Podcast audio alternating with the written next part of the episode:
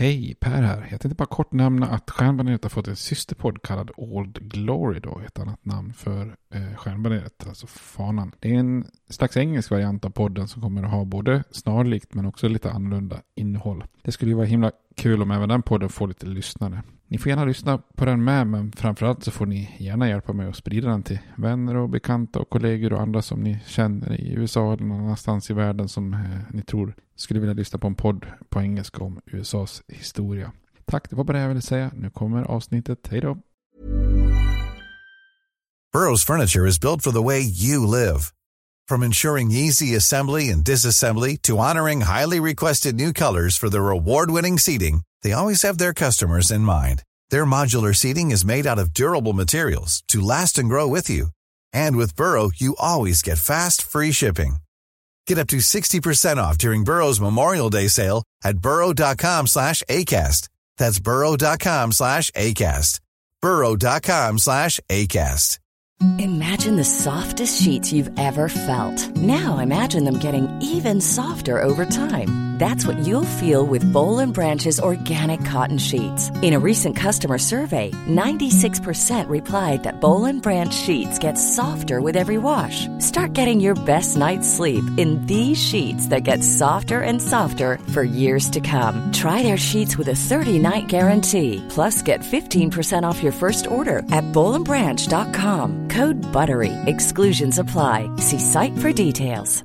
Everyone knows therapy is great for solving problems, but getting therapy has its own problems too, like finding the right therapist, fitting into their schedule, and of course, the cost. Well, BetterHelp can solve those problems.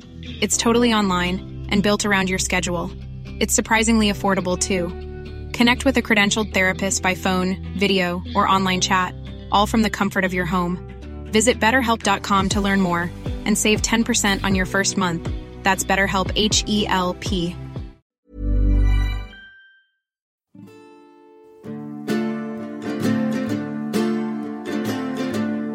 We hold these truths to be self evident that all men are created equal, that they are endowed by their Creator with certain unalienable rights, that among these are life, liberty, and the pursuit of happiness. We are engaged in a great civil war, testing that government of the people, by the people, for the people, shall not perish from the earth. And so, my fellow Americans, ask not what your country can do for you, ask what you can do for your country. I have a dream. My four little children will one day live in a nation where they will not be judged by the color of their skin, but by the content of their character. Mr. Gorbachev, tear down this wall. I did not have sexual relations with that woman, Miss Lewinsky. Då hälsar vi välkomna till eh, Stjärnbaneret. En podcast om USAs historia. Och vi har kommit fram till, ja, vilket nummer kan det vara i hela ordningen? Det är avsnitt nummer 13 om inbördeskriget i alla fall. Ja, precis. Jag kommer inte ihåg egentligen vilket Nej. det är totalt. Kan det vara, vi närmar oss nu 60 avsnitt. Men det Ja. är inte riktigt framme där än, tror jag. Och jag är med igen, Robert Vöx. Och det är även du, Per Fjärdingby. Jajamän. Är du laddad? Ja, det ska bli skoj. Nu börjar vi närma oss liksom slutet på kriget. Ja. Så det ska bli trevligt. Eh, innan vi tar en liten tillbakablick till eh, uppbyggnaden. Vi, vi lämnar ju en liten cliffhanger där. Eh, Lincoln var lite uppgiven inför valet och kanske kände att han höll på att förlora. Innan vi tar lite mer om det så ska vi väl ta öltipset. Yes, det får vi göra. Och vi har ju från senaste avsnittet då gått över till en ny eh, variant när det gäller öltips. Istället för att försöka ha någon koppling i själva programmet som vi kände börjar bli svårare och svårare och svårare. Så följer vi nu eh, SHBFs lista. Så är jag rätt nu? SH? Svenska Ja, Hembryggarföreningens Stilguiden. stilguidar då. Och förra avsnittet hade vi eh, 1B som är export. Japp. Vi pratade om Dortmunder. Dortmunder. Och nu har vi gått över till kategori 2 då, huvudkategori som är kraftfull lager. Och där tar vi 2B också av en anledning. Det finns ju en 2A men den tar vi inte nu. Nej, nej. Utan nu är 2B som är dubbelbock. Ja. Vad vet du om dubbelbock? ja, det är ju en starkare typ av lageröl. Och eh, från första början så var det väl eh, lite munkar som bryggde den tror jag. Det lovar gott. tyska munkar. Och eh, gjorde den lite starkare eh, och lite mer karaktärsfull sådär. Och eh, den, en av de första som fortfarande finns eh, döpte de ju då till Salvator. Med lite, ja, lite religiöst eh, klingande namn. Så att säga. Frälsaren då liksom. Ja, precis. Och, och sen har det varit då en tradition att man döpte alla sådana bockar till någonting som slutar på ator. Ja. Eh, Så att, ja det finns ju massa olika varianter. Jag kommer Ja. inte ihåg allt vad de heter, men eh, Nej, vi rekommenderar ju Celebrator då. Men det finns ju någon, eh, Ja. vad heter de mer? Innan du går vidare. Alltså bryggeriet är Ajinger va? Ja, precis, jajamän. Och ölen Celebrator dubbelbock. Ja, och det är ju bock, bock ska ju vara lite starkare och eh, dubbelbocken är ju oftast nu för tiden mörk. Så Ja. att det är ju, man kan säga en mörk, mörk lageröl som är lite starkare. Ja. Med stark menar vi ju eh, i det här fallet typ kanske så här 6-7 procent. Ja, där någonstans. Jag kommer inte ihåg exakt men. Nej, men jag tror att det ligger ganska där runt 7 procent tror jag, celebratorn. Det är ju väldigt trevlig stil tycker jag i alla fall. Den är ju maltig som 17. Inte så Väldigt mycket, maltig. Inte så mycket humle karaktärssåset liksom. sådär. Bränt socker tycker jag. Eller vad heter det? Kanderat socker? Vad säger man? Ja, Nej, precis. Jo, men... Ja, det blir Jo. nästan bränt. Men det är väl... eh, Vad heter den här mäskningen man gör? Som Ja, dekosionsmäskning? de, dekoktions, ja precis. När Ja. man tar ut lite av mäsken och kokar lite bredvid och Ja, tillför precis. tillbaka. Och sådär. Ja, det var väl en gammal variant för att kunna stegmäska. Så att när man mäskar en öl så vill man kanske lägga sig på olika nivåer. Och hade man Av liksom, temperatur? Ja, precis. Så hade man inte möjlighet att liksom tillföra värme på hela skiten liksom, så fick man ta ur typ en tredjedel i ett mindre kar. Och så kok, upp till kokpunkten. Så häller man tillbaka den till helheten. Och så vart det... Och då säger ju vissa att det blir en unik smak då av det. Lite Ja. karamelliseringsaktigt. Ja, precis. Det är det man känner väldigt tydligt i den. Ja. Och eh, russin tycker jag man kan ana Mm. lite sådär. Ja, Ja, jag, vet- jag brukar, det slås, jag har hållit en del ölprovningar. Alltså oftast kan kanske dundra in någon som säger jag dricker bara just lager. Liksom. Det är det enda jag tycker är gott, det är det enda jag tycker är öl. Liksom, så här.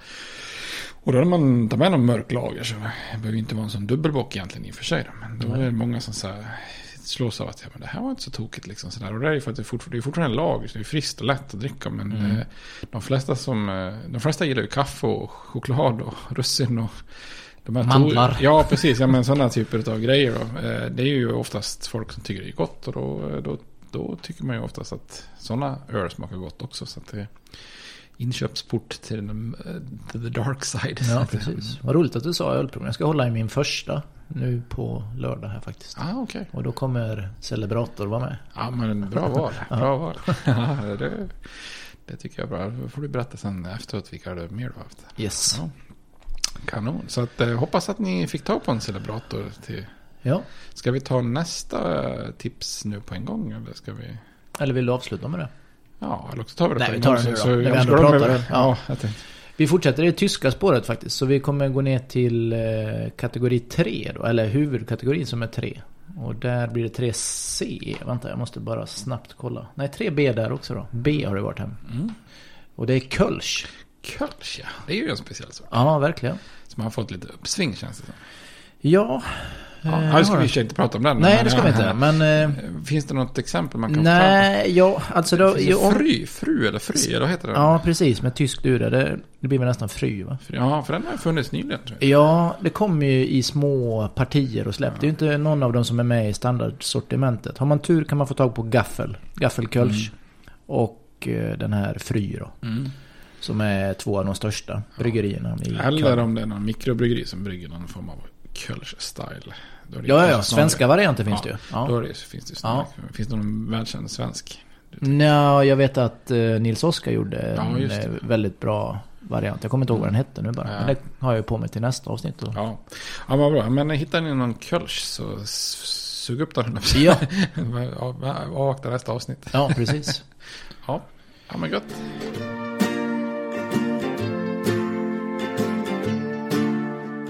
Då får du fylla på här nu då. Ja, precis. Ehm, eh, och eh, ja, som du sa, vi eh, hade ju en cliffhanger där att dags för presidentval 1864 och inte ens Lincoln själv trodde ju på det hela att han skulle bli omvald faktiskt. Han, han gör faktiskt en manöver där han faktiskt eh, skriver, skriver några rader om att eh, det ser troligt ut. Eh, skriver datum att det är troligt att man inte vinner och att eh, Härmed ställer jag lojalt upp att fortsätta krigsinsatsen eh, efter bästa manér ändå, fastän vi inte blir omvalda. Så lägger han det i förseglade kuvert och låter sina ministrar skriva på utan att veta vad de skriver på. Mm -hmm. För att han vill liksom binda upp dem till att det faktiskt också eh, inte ska bli kaos ifall han förlorar då, mitt under kriget.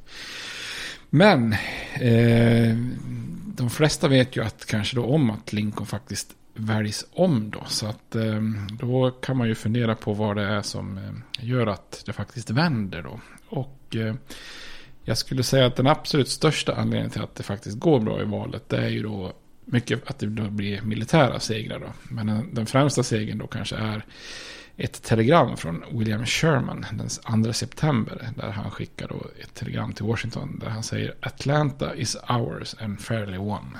Då har han då äntligen erövrat Atlanta då. Mm. Eh, för han har ju då, han, i slutet av augusti har han insett att jag kommer inte kunna liksom skärma av hela eh, John Bell Hoods armé här då. Eh, och det är ju en järnvägslinje som fortfarande försörjer staden. Och han har tidigare försökt sig med kavalleri. Men han, han är inte så positivt inställd till kavalleriet. Han tycker inte de, de hinner inte förstöra tillräckligt med järnvägsspår innan de är bortschasade. Liksom. Det känns som tandlöst. Då. Så att, då bestämmer han sig för att jag skickar iväg en hel armékår under Henry Slocum. Och, eh, eller han, han eh, lämnar bara en armékår under Henry Slocum norr om Atlanta. Och sen så tar han med sig resten av Eh, infanteriet då i en eh, kringgående manöver väster om staden då och eh, verkligen förstör då järnvägen en bra bit då, eh, utanför Atlanta där.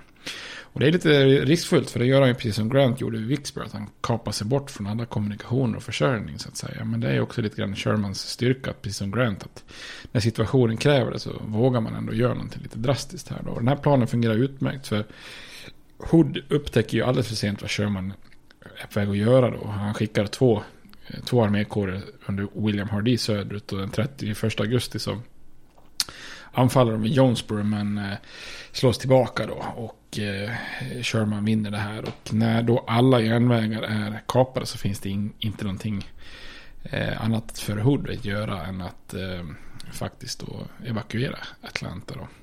Men Atlanta är heller inte den enda framgången här på sensommar och tidig höst för nordsidan faktiskt. Vad kan det vara för framgångar då? Är det han den här Jubilee Early? Ja, precis. Han som var härjade här för sydstaterna. Nästan när han var i utkanten av Washington va? Ja, precis. Jo, faktiskt. Eh, han har ju då hotat här från i den här Shenandoah-dalen då. Eh, och ända sedan egentligen Stonewall Jacksons kampanj 1862 så har ingen unionsgeneral haft framgångar i den här Shenandoah-dalen. Så nu bestämmer sig för Grant för att skicka sina andra vapendragare, Philip Sheridan, med förstärkningar från väst då, för att verkligen besegra Early. Och rensa den här dalen på motstånd och eh, förnödenheter. Då. Så med eh, en lite nykomponerad armé där så går Sheridan på offensiven och så besegrar han Early i faktiskt tre fältslag i rad här vid Winchester, Fishers Hill och den främsta kanske då vid Cedar Creek. Och, eh, och besegrar honom rejält då så att säga. Och den här orten Winchester är faktiskt ganska unik i Virginia. Där. Det, det sker tre större drabbningar där då eh, under kriget. Då. Eh, när Jackson är där 62. När han Ewell är på väg norrut mot Gettysburg 63. En av Lees armégeneraler. Och nu Sheridan 64. Eh, och så sker det ju en massa mindre eh, strider också. Och så byter han, stan hand, vilka kontrollerar nord eller syd. Så det är någon som har räknat ut att den byter, byter sida 70 gånger under kriget. så det är inte så lätt att bo där i Winchester då så att säga. Men när Sheridan får kontroll över den här Shenandoah-dalen då så den har ju fungerat lite som en kornbord för konfederationen.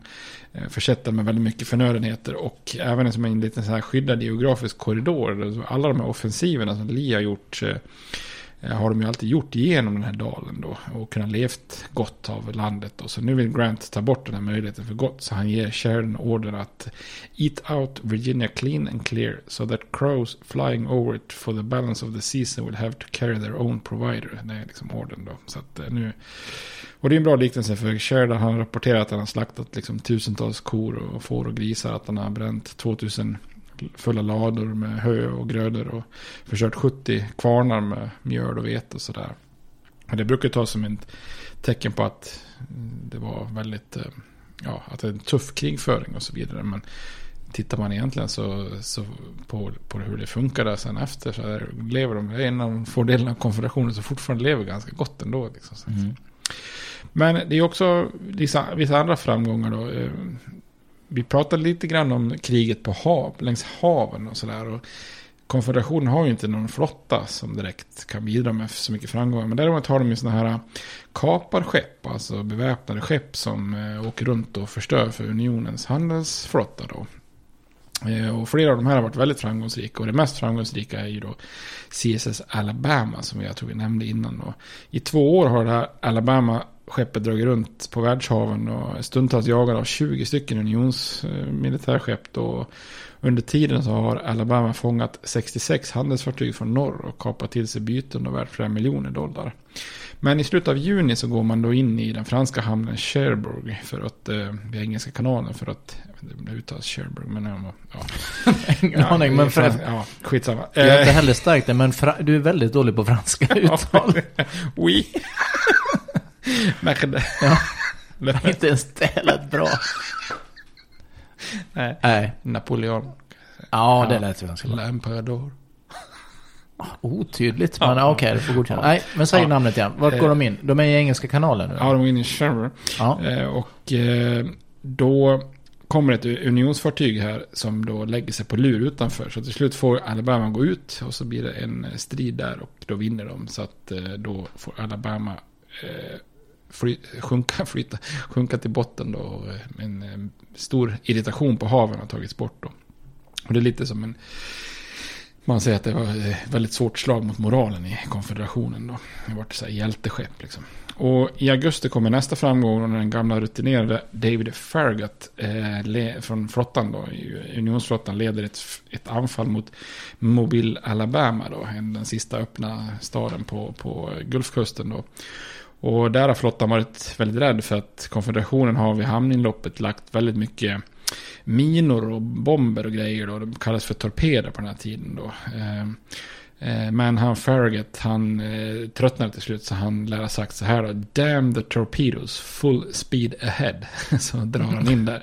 Eh, Och de lyckas ju väldigt bra. Han har ju ett gäng av sådana här um, Ironclads, alltså monitorer då, som byggda utifrån den ursprungliga Monitor, där John Ericssons båt. Så Eh, och lite bepansrade skepp och grejer. Och, med, och han lyckas ta sig förbi de forten i yttre hamnen och in i bukten och liksom ta kontroll av staden. Då han, ta, han förlorar faktiskt bara ett skepp. Så, att, eh, så nu är liksom den sista hamnen på Gulfkusten, eller Golfkusten heter det väl, eh, stängd för blockadrännare då.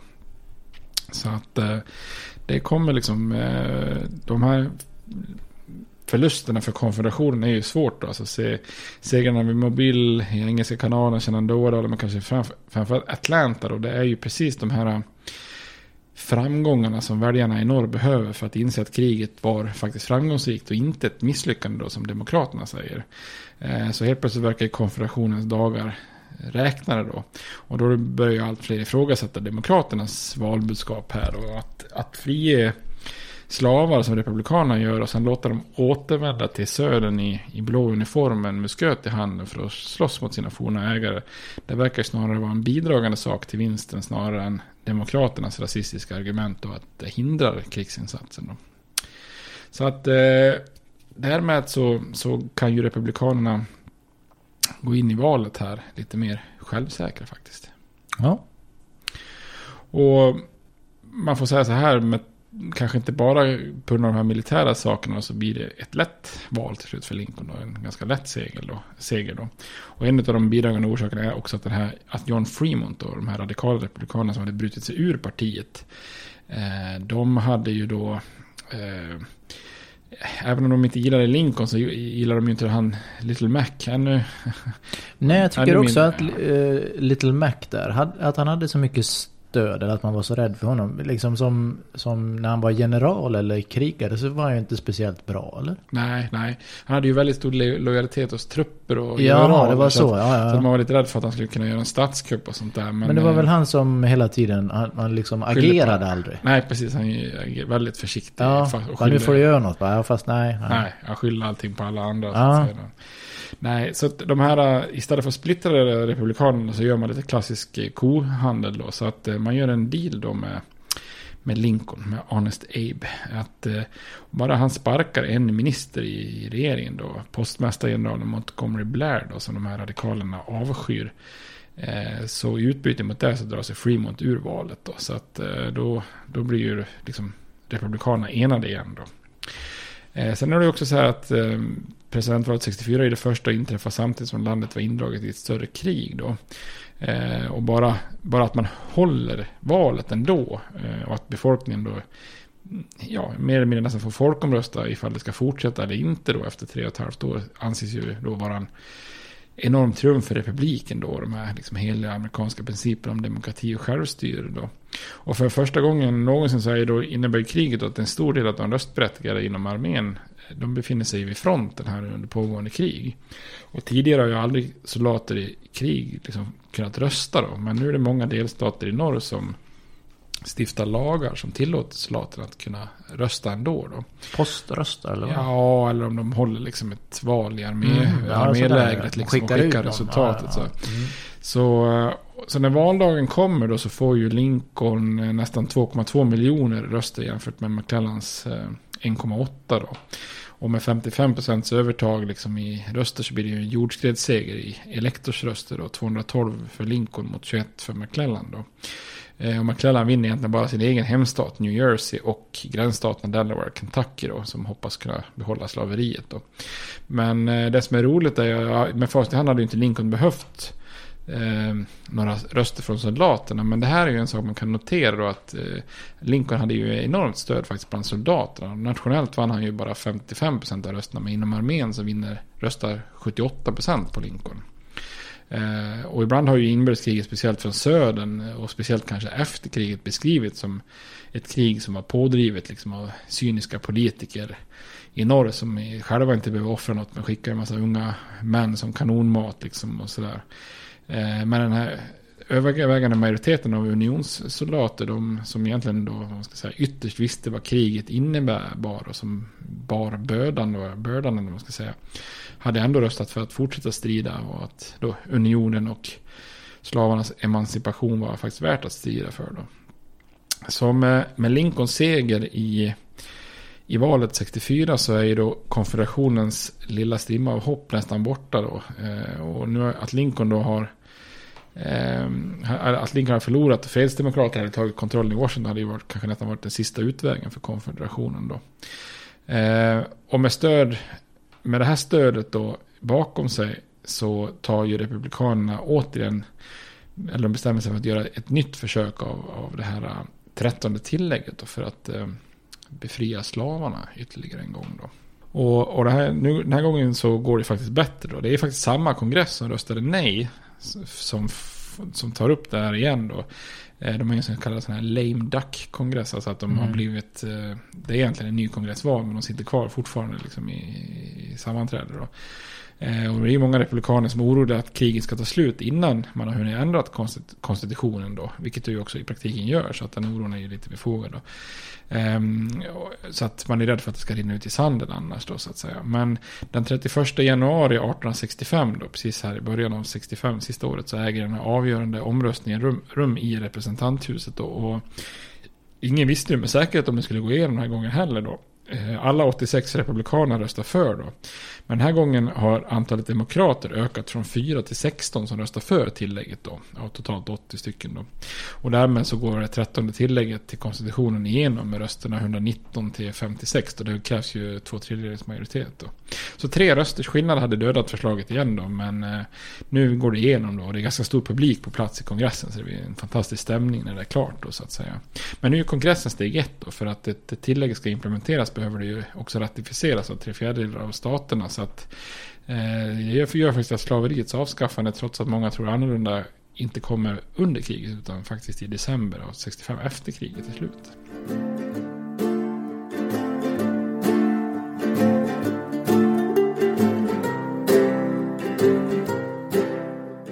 Så då är det klart, Lincoln sitter kvar. Då kan vi lämna det politiska spelet en stund här kanske.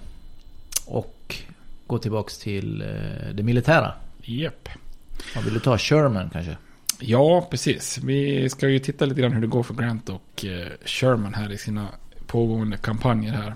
Eh, för nu, nu ska de ju försöka ta, vad ska man säga, och sy ihop säcken här. Nu är det ju inte mycket, nu får ju konfederationen liksom be till högre makter och hoppas på mirakel för att det här ska kunna fortsätta liksom. Eh, för nu kommer ju Lincoln att sitta kvar till minst 66 eller, eller Republikanerna kommer makten fram till 66 eller 68 i alla fall. Mm. Presidenten till 68. Um, så nu gäller det ju för konversationen att liksom hålla ut uh, och, och, och, försöka övervinna sin brist på logistik och resurser och hoppas att det ska vara en ännu större krigströtthet som kommer i norr då. Um, och i norr då tänker man att vi ska försöka påverka konfederationen här snabbt nu och försöka övertala eh, befolkningen där att slutet är nära och att den här slavrepubliken kanske borde kalla, kasta in handduken här då. Eh, och i Virginia då fortsätter Grant och eh, Lees arméer att stirra på varandra liksom på varsin sida om eh, beläggningslinjerna då. Men för varje vecka som går så tvingas ju Lee hela tiden tunna ut sina linjer då. Eh, och Georgia, där är ju Sherman först lite så här villrådig. Eh, när Atlanta erövras så så behöver han ju bestämma sig för vad, vad som skulle vara hans nästa drag då. Eh, och hans största problem är ju att han har den här enorma, enormt långa försörjnings, försörjningslinjen från norr då. Alltså egentligen hela vägen från Louisville, Kentucky då, ner via Chattanooga, Tennessee, ner till Atlanta, Georgia. Den är ju oerhört sårbar att liksom vara beroende av där. Eh, och problemet är ju ännu värre efter att Atlanta intas eftersom Sherman då också hade betydligt fler munnar att mätta då i form av en civilbefolkning. För precis som på platser som är erövrats tidigare, alltså Nashville och Memphis och New Orleans, så väljer ju unionsofficeren att, att ge matransoner även till civilbefolkningen som annars hade kanske svultit då. Eh, men det här innebär ju också att skattebetalare i norr ska försörja både armén och ockupationsbefolkningen på många ställen. Och Sherman han beslutade sig för att nej, nu får det vara en ny policy här. Så den 7 september så beordrar han att Atlanta ska evakueras och tömmas helt. Då. Mm. Alltså invånarna får, får fritt, de får ta sig söderut om de önskar eller norrut om det känns bättre. och De får ju ta vilket håll de vill men de måste lämna Atlanta då. Eh, han säger att han kan lova ransoner norrut men inte i Atlanta och inte söderut. Då får de gå och stå sitt kast. Då. Och de avsätter trupper och vagnar för att frakta folk norrut om de vill. Men de får inte vara kvar i Atlanta. Då. Och i Atlanta så protesterar man ju vilt. Då, men eh, Sherman han vägrar att återta orden. Han svarar War is cruelty and you cannot refine it. Och han menar att de som startar kriget nu också måste stå för det och ta kostnaden då. Och det enda sättet att få fred är att övertala alla att kriget är för kostsamt då. Så han, han lägger också locket på fortsatta klagomål är onödigt. Han säger You might as well appeal against the thunderstorm as against these terrible hardships of war, säger han. Så, att, så är det då. det här skildras ju faktiskt i evakueringen av Atlanta, skildras ju faktiskt i den här gamla klassikern Borta med vinden. Där med Scarlett O'Hara lämnar staden eh, i den mm -hmm. gamla klassiska filmen. Då. Det var inte det som jag sett då. Nej, Såg man när man var liten kanske? Ja, den har väl gått på tv ganska många gånger tror jag. Den är ju gammal så fast. Jag tror till och med den kom på 30-talet. Alltså, ja, den är jättegammal. Jag tänkte vi skulle nämna den faktiskt i mm. sista avsnittet också.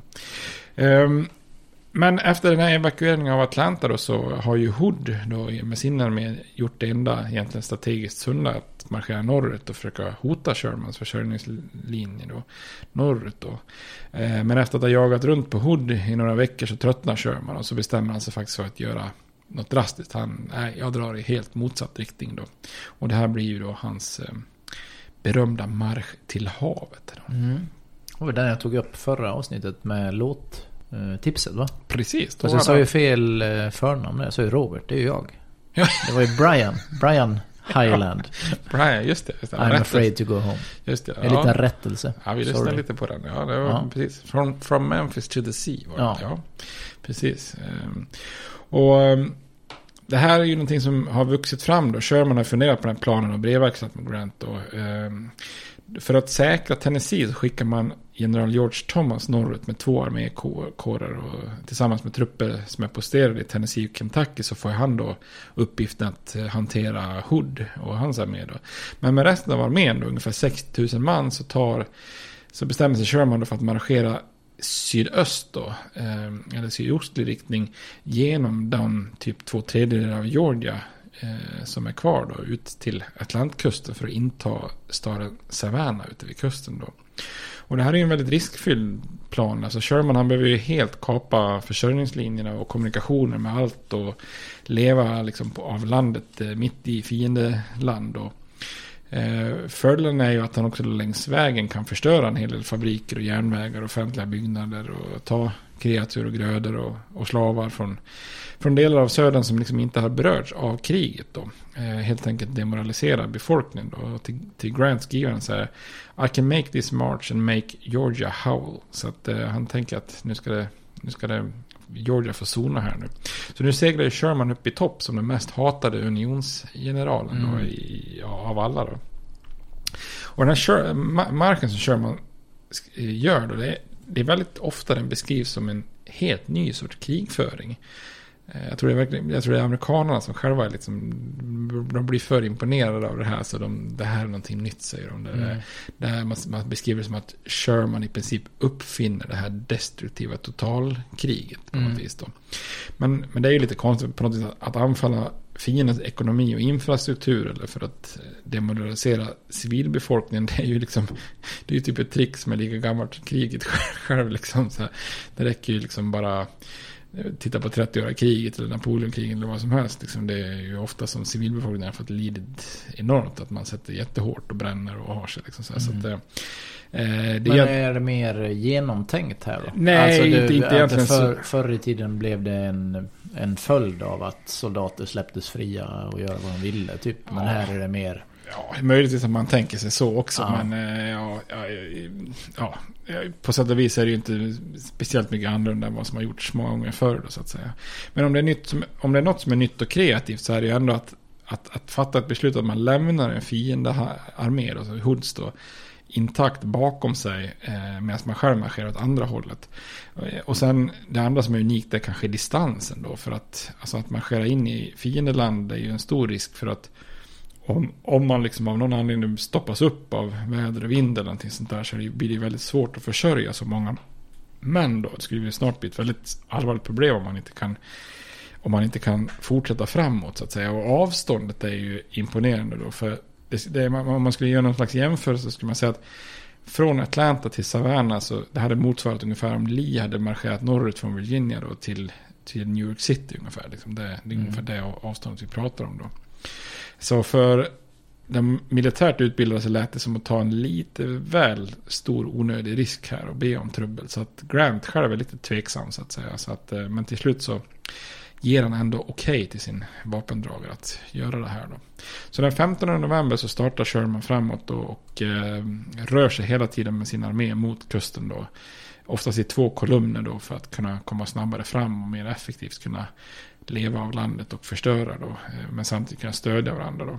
Så man marscherar med ungefär en och en halv mil om dagen. Eh, och varje dag skickas mindre trupper ut för att bringa in förnödenheter då. Och han möter väldigt lite motstånd. Alltså det finns lite kavalleritrupper som försöker trakassera. Men konfederationen har liksom inte någon armé. De kan inte sätta in någon där riktigt. Så att eh, det, det, dyker liksom inte upp några fiender. Däremot dyker det upp mängder med slavar som är väldigt stor tacksamhet och lycka liksom eh, hänger på liksom. Så att det, de säger att ett tag så är det, om det är 60 000 man i armén så är det ungefär 60 000 slavar efteråt som, eh, som liksom då marscherar där. Och till och med Sherman blir, blir faktiskt lite rörd av allt det här. Eh, den glädjen som de möter då.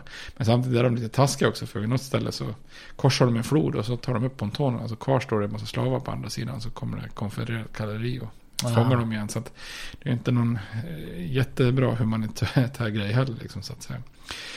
Eh, och i mitten av december då så närmar sig Sherman-kusten då och staden Savannah. Eh, och där finns det 10 000 man med ganska starka fortifikationer. Men men Sherman lyckas storma ett fort där, Fort McAllister, som, eh, som faller ganska lätt ändå. Då. Eh, och därmed så har ju Shermans armé fått en länk då ut till armén då, eh, unionsflottan, eller så här, till flottan, unionsflottan då. Så att då har man ju säkrat sina, sina försörjningsvägar då. Och till slut så får Savannah efter några dagars belägring ge sig då. Så i ett jätte, jätteberömt telegram så skriver Sherman tillbaks till president Lincoln att I beg to present you as a Christmas gift the city of Savannah with 150 guns and plenty of ammunition. Also about 25,000 bales of cotton. Eh, så det, säger, det här brukar tas upp ibland som sägs att det är den mest eh, värdefulla present som en president någonsin har fått. Jaha. Att man fick staden Savannah där. Så att, eh, ja, jag vet inte riktigt om man ska se det som en present på det viset. Men, Nej.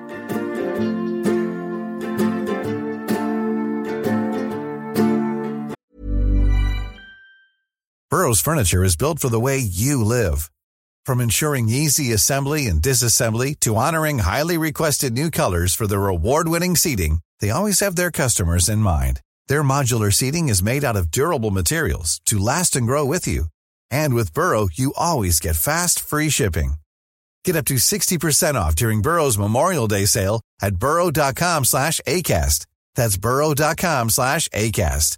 burrow.com slash ACAST. Everyone knows therapy is great for solving problems, but getting therapy has its own problems too, like finding the right therapist, fitting into their schedule, and of course, the cost. Well, BetterHelp can solve those problems. It's totally online and built around your schedule. It's surprisingly affordable too.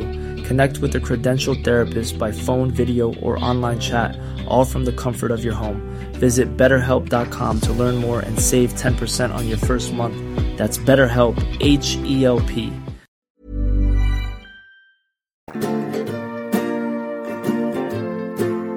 Vad gör Hood här under tiden nu? Han följer han efter eller vad? Sherman drar ju sig långt, eh, en ganska lång sträcka så du, distans här och hänger Hood på eller vad händer? Nej, han, eh, han eh, tar sig norrut då.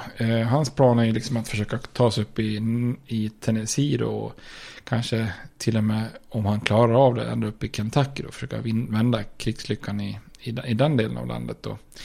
Eh, men när Hood sätter fart in i Tennessee då, så håller ju han George Thomas på att organisera försvaret då, från sitt högkvarter i Nashville. Då.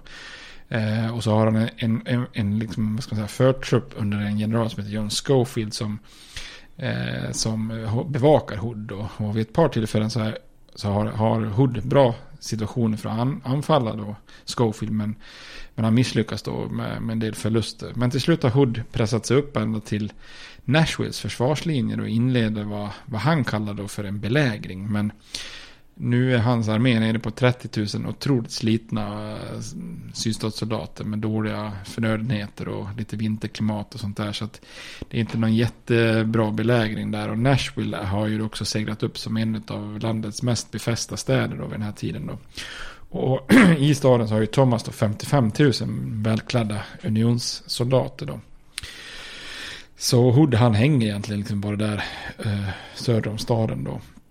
Och Thomas han tar god tid på sig att förbereda sitt, sitt motdrag där. Han, han är så seg så Grant funderar nästan på att åka själv västerut för att ta befäl här. Men till slut så den 15 december 64 så anfaller Thomas då eh, vid Nashville. Och hela dagen så pressar han tillbaka Hood då som tvingas omgruppera sig lite längre söderut. Eh, Thomas anfaller igen dagen efter och då ger Hoods män vika så pass mycket att hela armén nästan kollapsar och att det blir en, en vild flykt söderut. Då. Och Thomas han har förlorat 3000 man medan Hood förlorat kanske det dubbla då. Varav många är saknade och tillfångatagna. Så att den, det var en spillra kvar av den här armén som 1863 vann slaget i Chickamauga. Eh, och med de spillorna så får Hood då tvinga sig söderut. Så att segern vid, segern vid Nashville eliminerar ju i princip konfederationens hopp i, i väster. Liksom. Nu, nu finns det liksom i princip nästan inget, eh, ingen armé som kan, eh, ingen större armé som kan göra någon större skillnad i väster för, för konfederationen. Då. Men Savannah och Nashville är heller inte de enda förlusterna i, i det här läget av kriget. Då. Vad är det fler för förluster man eh, råkar ut för här då?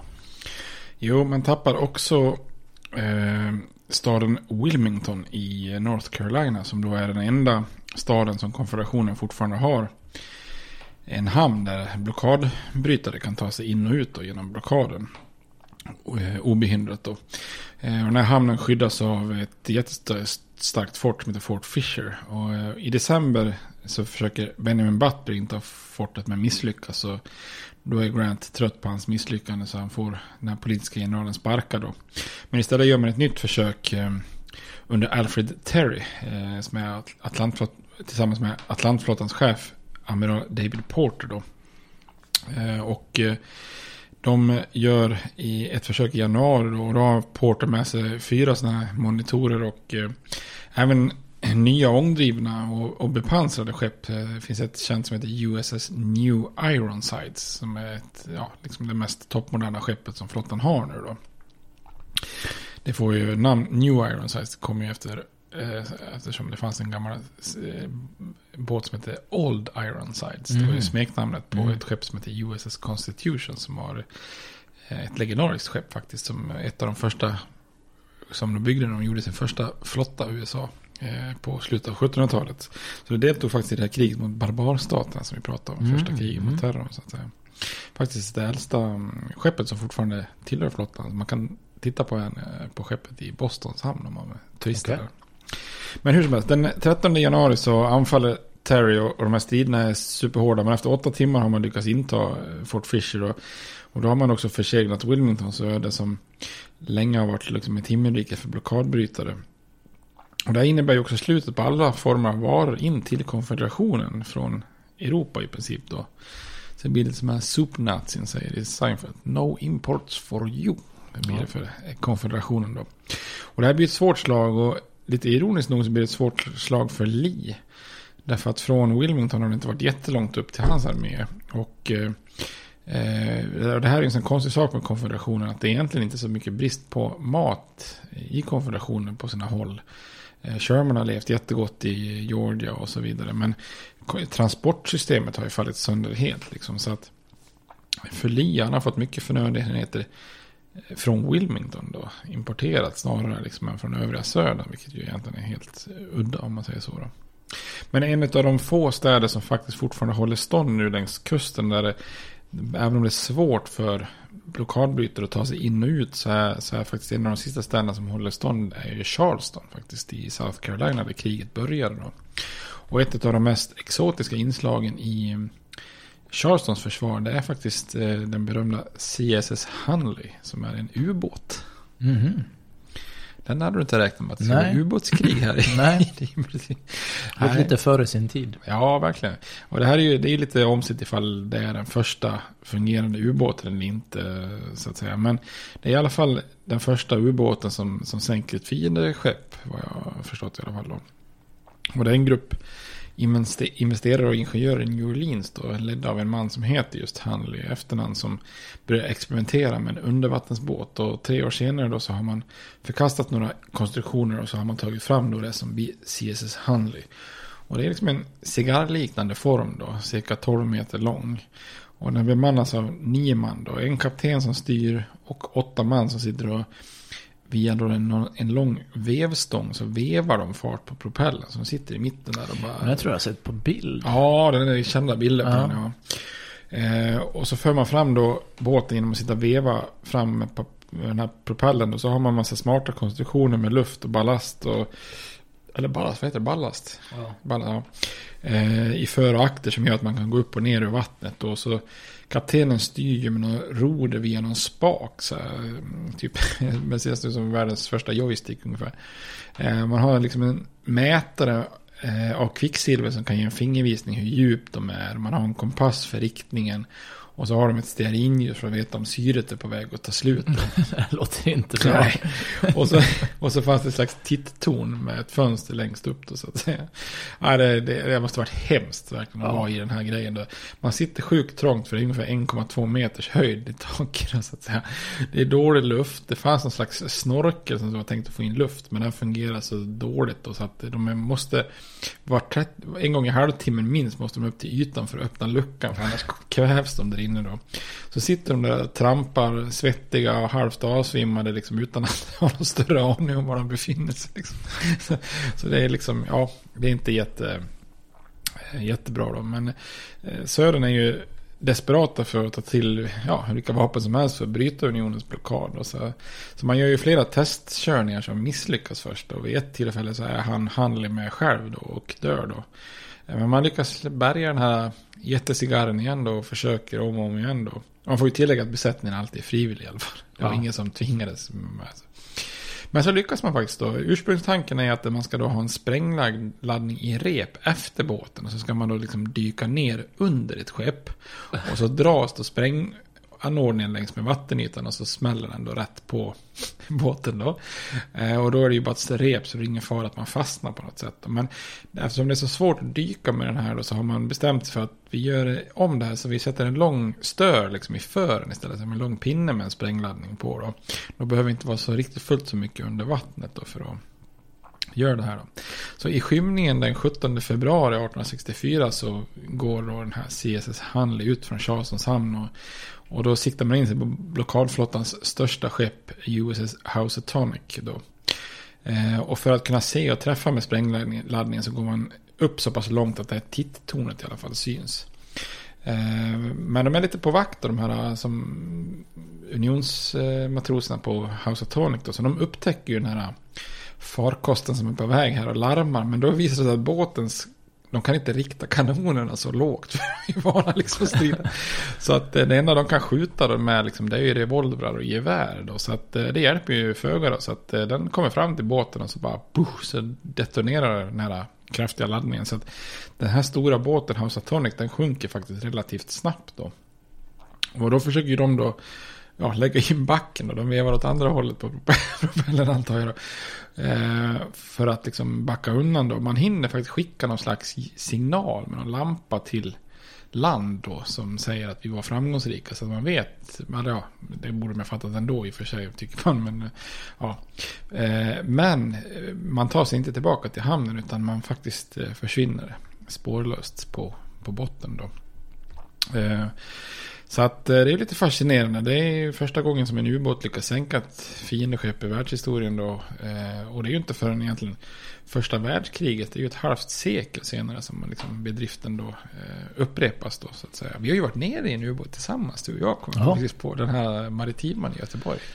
Jajamän. Jag var lite nervös. Jag drog i massa spakar. Jag tyckte att jag skulle ligga, ligga lågt. Ja.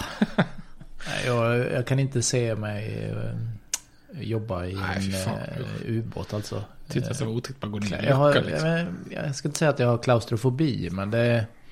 Nej, jag är inte jättebekväm i vatten överhuvudtaget tror jag. Så, ja. ja. Vadå, du badar väl mycket? Ja, jag är så. När man ja. kan hoppa och ta sig upp snabbt. Ja, men du vill inte trampa fram en båt? Nej, inte under ytan så länge. Det tror jag inte. Nej.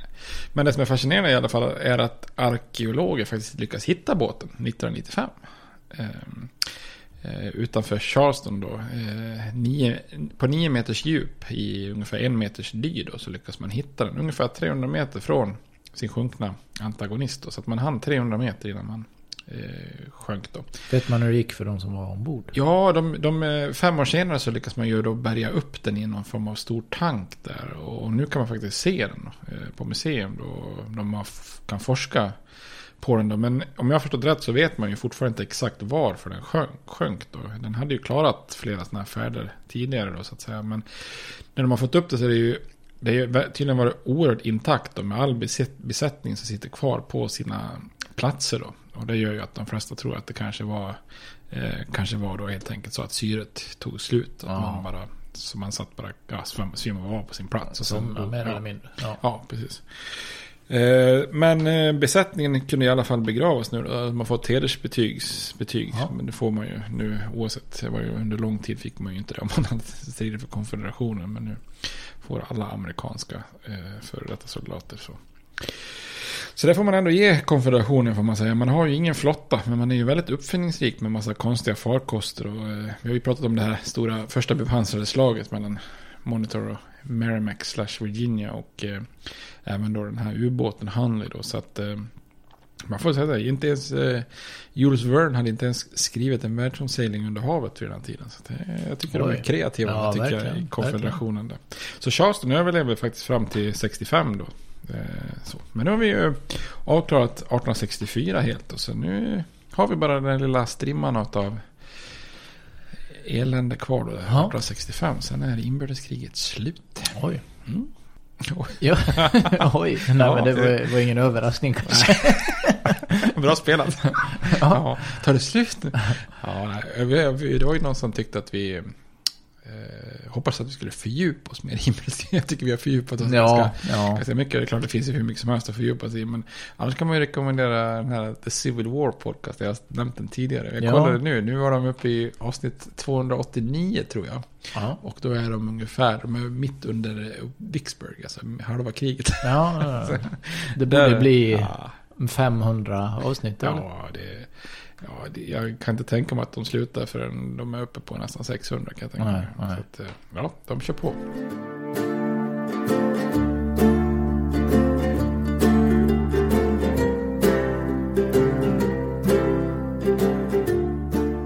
Vad har vi, vad har vi på den kulturella Nej men nu, fronten? ja men nu börjar ju kriget ta slut här. Och vi hade ju egentligen, vi har ju två låtar har det dykt upp nu. Som hänger ihop med krigsslutet. Först har vi byggt upp det mycket kring eh, The Night They Drove Old Dixie Down med The Band. Den har vi ju nämnt förut, Just det. Ja. Och den skulle vi ju, eller det är den vi kommer analysera idag tänker jag. Mm, mm. Och sen sparar vi en som vi... Som passar bättre. Ja, och som vi bara snubblade på. Jag blev lite förvånad. Jag, du hade inte heller hört talas om Nej, den? faktiskt inte. Så den, den sparar vi till nästa Ja. Men då får det bli The Band. The Band. Finns på ett band. Ja. Ja. The Band. Vad, vad vet du om låttexten? Har du läst den eller har du hört den? Eller vill du att jag går igenom den? det jag, funder, vet du, det jag tänkte jag skulle fråga dig var om du hade koll på för det har inte jag. De sjunger ju om någon, eh, vad heter han, Virgil? Virgil Kane. Ja, är det Mm. någon som har funnit på riktigt? Nej, jag tror det är en Det påhittad person. påhittad, Ja. ja, Virgil är ju bra namn tycker jag. På Ja. sy- sydstatare. Tycker det, känns det lite... låter trovärdigt. när de sjunger. Ja. Ja. Eh, men om vi tar vidare då. Den startar ju med något där med Danville Train. Han served on the Danville Train. ja, precis. Ja. Richmond Danville är en av eh, järnvägslinjerna som Mm. går in i Richmond. Så det, det stämmer bra. Sen kommer Stoneman's Cavalry. And tore Ja. up the tracks again. Det är George Stoneman, en eh, som leder eh, trupper, unionskavaleritrupper då, Mm. eh, under Sheridan. Och det känns ju som vi har tagit upp flera gånger att det är ganska ofta man saboterar eller försöker förstöra Mm. förnödenheter eh, och eh, järnväg då. Ja, jag blev lite så här, jag vet att eh, Stoneman hade ju kavalleriet under Hooker där och eh, eh, gjorde ju en räd då som var ganska misslyckad. Och sen så vet jag inte riktigt vad han har sysslat på innan. Så att, eh, men han kanske, det kanske stämmer att han, att han fortfarande var aktuell här 64. Men det måste vara George Stoneman de pratar om. Ja, det måste det väl vara. Sen går vi händelserna i förväg då. In the winter of 65 we were hungry, just barely alive. By May the 10th Richmond had fell. It's a time I remember oh so well. Jaha. Så det, kommer ju i nästa avsnitt om. Ja, och det var ju. Stämmer datumet? Ja, 10 det, maj. Jo, det gör det nog va? Ja. Eller rimmar det bara? Är det därför de har valt det? Ja, Nej. okej. Nej, jag, jag antar att de har lite, lite, lite koll får man väl. eh, Och refrängen då? Det här eh, när väl syd går under, för det kan vi ju säga att de gör. Nej, men vänta nu. Nej, vänta. Det är ju i nej, maj. Då är det ju... Ja, det var vad sa. Vilket datum var det? Eh, 10 maj. 65. Mm. Ja, då är det ju... Det är ju efter kap, eh, Lis kapitulation. Jaha, Så att... eh, den stämmer inte då. Nej, Det var mer rimmade, rimmade bra. Ja. Men när väl eh, konfederationen ger upp här då? Det sker väl inte i ett och samma... Nej. Nej. Men i olika städer, när olika städer gör upp kan man ju tänka sig att eh, man ringer i klockorna. Ja, säkert. Ja. Mm. Men det är inget du kan bekräfta att man gjorde. The night they drove all Dixie down and the bells were ringing. Ja, men det Ja. måste ju... Det var ju säkert så här... Ja. Ja. Vad heter den nu? Hesa Fredrik. Ja, Det, Mm. borde ha varit kyrkklockor istället Ja, Hesa det kan det Fredrik, vara. Ja. Eller också tänker man någon som går så här och larmar med sådana där... ja, ja, det är möjligt. Så kan det vara. Men han verkar i alla fall ha varit bosatt här. Back with my wife in Tennessee. Det här vet man inte om det är Nej, okej. när de har gett upp då. Men Eh, Då ropar i alla fall When one day she called to me Virgil quick come see There goes Robert E. Lee. Och så fortsätter det här lite då. Jaha, okej. Ja. Ja, för han återvände ju hem till... eh, han fortsatte ju bosatt i Virginia, Lee. Så Okej, Det ska okej. vara om han har gjort en liten semester västerut. Ja, jag vet inte om det hänger ihop texten på så Ja. sätt att det här är när det verkligen är slut. Att här Ja. återvänder han då. Ja, ja, ja. För han blev väl inte satt i krigsrätt? Nej, eller? det var ju i... eh, nej, vi, jag vet inte om vi... Jag tror att det ens jag hade gjort någon notis om att nämna i sista avsnittet. Men det är ju egentligen bara... Det är ju egentligen bara en person som eh, avrättas för krigsförbrytelser. Det är ju han chefen för Andrew som Ja, just det, just det. i fängelse. Sen är det ju, blir ju då Jefferson Davis, presidenten, fängslad en period. Men släpps ju fri sen. Men ingen annan sitter. Nej, så att eh, nej. Lee får ju återvända hem.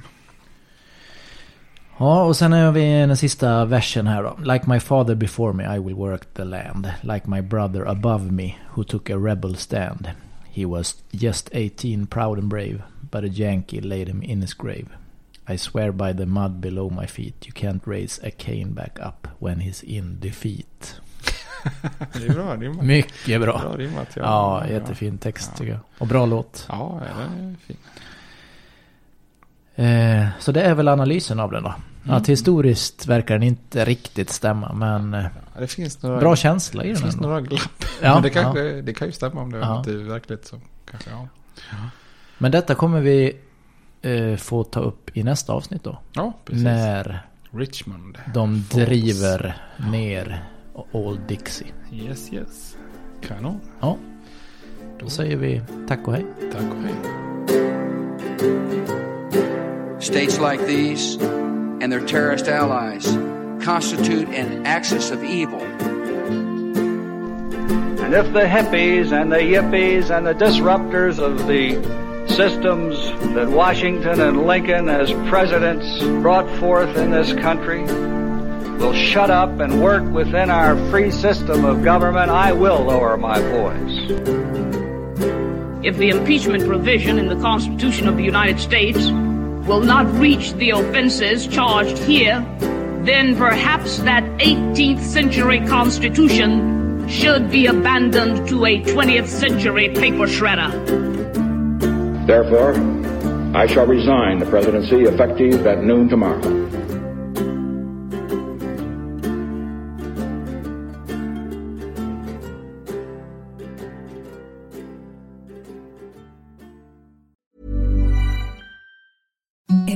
The softest sheets you've ever felt. Now imagine them getting even softer over time. That's what you'll feel with Bowl and Branch's organic cotton sheets. In a recent customer survey, 96% replied that Bowl and Branch sheets get softer with every wash. Start getting your best night's sleep in these sheets that get softer and softer for years to come. Try their sheets with a 30-night guarantee. Plus, get 15% off your first order at bowlandbranch.com. Code BUTTERY. Exclusions apply. See site for details.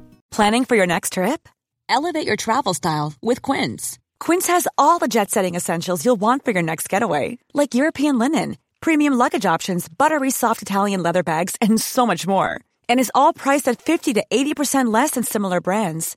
Plus, Quince only works with factories that use safe and ethical manufacturing practices. Pack your bags with high-quality essentials you'll be wearing for vacations to come with Quince. Go to quince.com slash pack for free shipping and 365-day returns. Even when we're on a budget, we still deserve nice things. Quince is a place to scoop up stunning high-end goods for 50 to 80% less than similar brands.